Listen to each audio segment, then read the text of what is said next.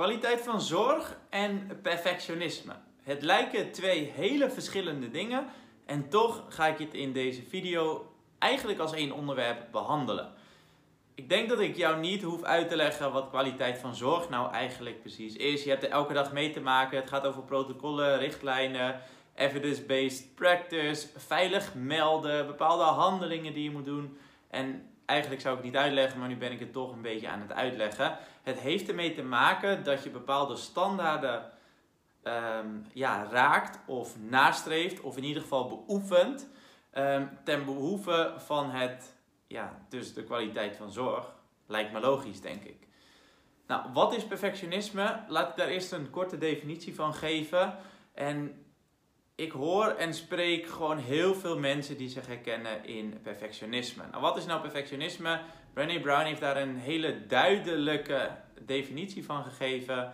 Um, ik heb hem niet helemaal uit mijn hoofd geleerd, maar hij is um, dat het komt erop neer dat perfectionisme een schadelijk en verslavend systeem is van regels dat uitgaat van de gedachte van hé, hey, ik mag niet falen en ik moet alles perfect doen en als ik maar perfect leef, als ik alles maar perfect doe, terwijl perfect helemaal niet bestaat, dat is denk ik een hele belangrijke als het gaat over perfectionisme, um, dan kan ik bepaalde pijnlijke gevoelens die bijvoorbeeld van afkeuring of afwijzing of schaamte, dan kan ik die vermijden.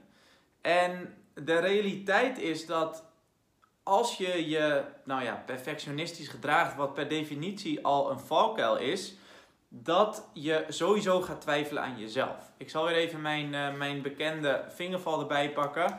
Kijk, op het moment dat jij je perfectionistisch aan het gedragen bent, gebeurt er simpelweg gewoon dit.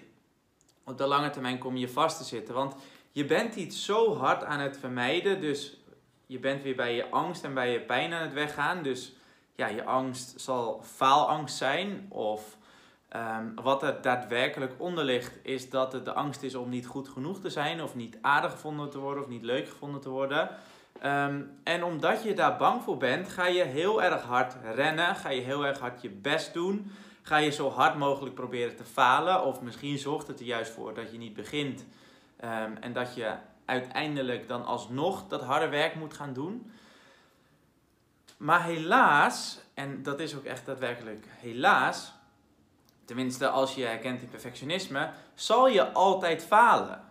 Je bent niet perfect, het bestaat niet en er zal altijd wel een klein stemmetje in je hoofd zitten of het negatieve geloof, net hoe je het wilt noemen, die tegen jou zegt dat je gewoon niet goed genoeg bent als je bijvoorbeeld gefaald hebt of dat je een keer schaamt of dat je een keer wel afgekeurd wordt of dat je een keer wel afgewezen wordt om wie jij bent. Maar op het moment dat je daar altijd bij weggaat en het gebeurt dan daadwerkelijk dat je dus gefaald hebt of dat je niet leuk of niet aardig gevonden wordt, dan doet het dus nog veel meer pijn omdat je er altijd bij weg bent, ja, bent gegaan.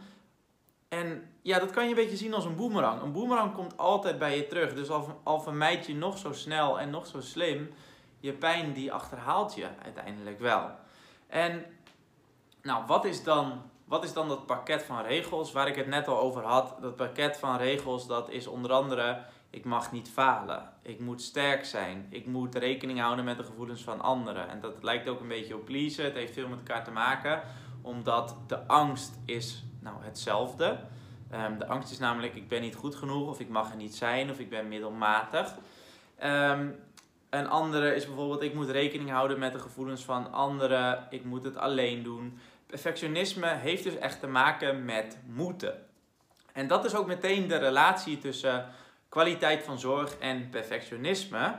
Um, is dat het deels, en ik realiseer me heel goed dat kwaliteit van zorg is iets goeds. En perfectionisme zie ik als absolute valkuil. Dus dat is een belangrijk verschil om um, ja, even te noemen.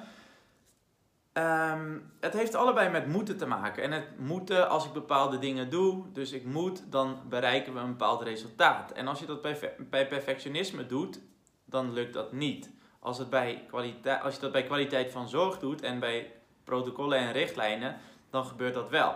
Maar op het moment dat jij perfectionistisch bent en je gaat die kwaliteit van zorg en die protocollen en richtlijnen zien als perfectionisme, dan zal je zien dat jouw perfectionisme vergroot wordt en dat jouw angst om te falen ook nog veel groter wordt. Dus in die zin, ehm, kijk, ik zou nu kunnen zeggen: kwaliteit van zorg is iets niet goeds. Dat is niet waar, want kwaliteit van zorg is wel goed.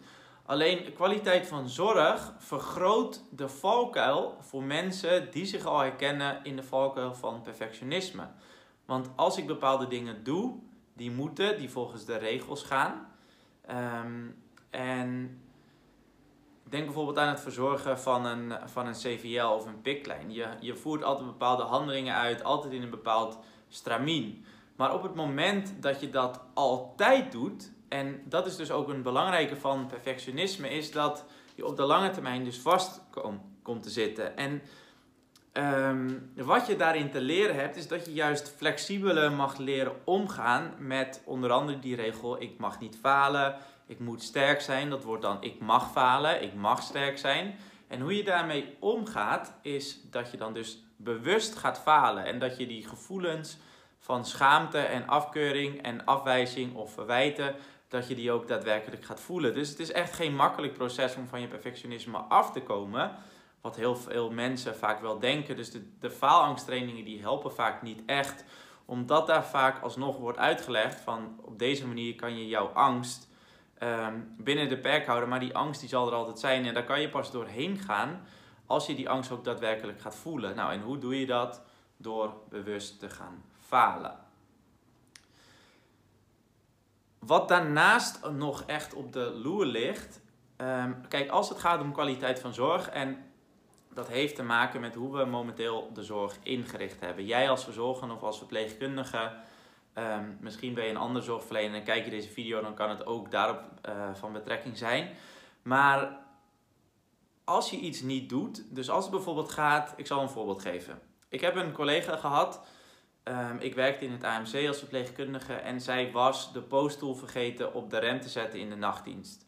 De patiënt ging zitten, ging verkeerd zitten en zij brak haar heup. De bel bleek volgens mij ook niet aan de poststoel te hangen.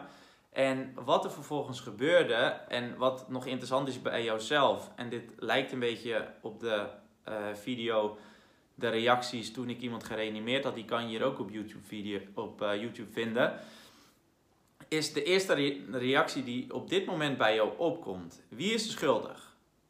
Denk je dat zij schuldig was? Is misschien niemand schuldig? Is misschien de poststoel schuldig? En die schuldvraag, dat is heel vaak de vraag die we op dit moment in de zorg stellen. Dus iemand moet de schuld krijgen. Terwijl ik juist denk, volgens mij kunnen we beter de leervraag stellen in plaats van de schuldvraag. En de leervraag betekent van, hey, hoe kunnen we hier nou van leren? Wat, want wat er namelijk gebeurd is bij uh, deze desbetreffende ex-collega, was dat zij vervolgens onzeker werd als hij nachtdiensten moet werken. Ze ging veel meer dingen controleren. Dus ze ging zichzelf controleren. Ze ging zich laten controleren. Er moesten veel meer dingen. Uh, nou, in de vingerval. Ze moest dus veel meer dingen. Dus nou, la la la la la. Nog meer, nog meer, nog meer. Waardoor ze onzeker werd. Um, terwijl ze een hele goede verpleegkundige was. Maar ja, ze werd gewoon heel erg onzeker. Dus ja, ik denk sowieso niet dat het systeem wat we op dit moment hebben opgetuigd, dat alle risicoscores, dat als je die niet doet en er gebeurt daadwerkelijk wat, dat er iemand dan strafbaar is. Sterker nog, ik ben ervan overtuigd dat 99,9999% van iedereen die in de zorg werkt, in de zorg gaat werken vanuit de beste intenties en sowieso geen fouten wil gaan maken. Nou, plak daar iemand op die faalangst heeft en faalangst, dat heb ik nog niet gezegd in deze video, maar dat komt vanuit vroeger, dus dat is echt hoe je opgevoed bent. Um, wat wil ik ook weer zeggen? Oh ja, plak daar iemand op die zich herkent in faalangst en in perfectionisme. En die persoon zal altijd gaan ja, weggaan bij zijn of haar eigen faalangst, omdat ze doodsbang zijn om een daadwerkelijke fout te maken. En ik ga niet, niet prediken in deze video dat je fouten moet maken als het gaat over de patiëntenzorg, helemaal niet. Maar mensen zetten zichzelf daarmee wel vast.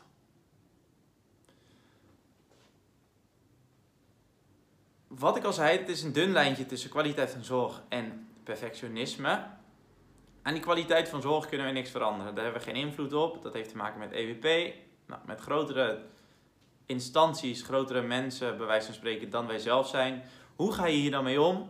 Door flexibeler te leren te worden. Door om te gaan met jouw eigen persoonlijke regels van ik mag niet falen.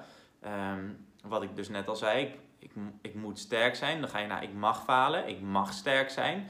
En dat je ook gaat kijken naar, hey, wat is nou het stukje hier in mijn hoofd? Wat zijn nou mijn gedachten uh, die, dat, die dat tegen mij zeggen? En misschien zijn die gedachten wel bijvoorbeeld, ik ben niet goed genoeg, of ik mag, of ik ben zwak, of ik ben middelmatig, of ik mag er niet zijn. Die kwaliteit van zorg is het probleem niet. De stem in je hoofd is het probleem. En de overtuigingen en regels die daaraan vastzitten, is of zijn wel het probleem. Als je daarmee om wilt leren gaan, dan uh, kan je mij gewoon een berichtje sturen via Instagram. Je mag ook hieronder reageren. Je kan mij mailen op thomas.thomasgroen.nl. Voor nu heel erg bedankt voor het kijken. Bedankt voor het luisteren. Uh, en ik spreek je graag in de volgende.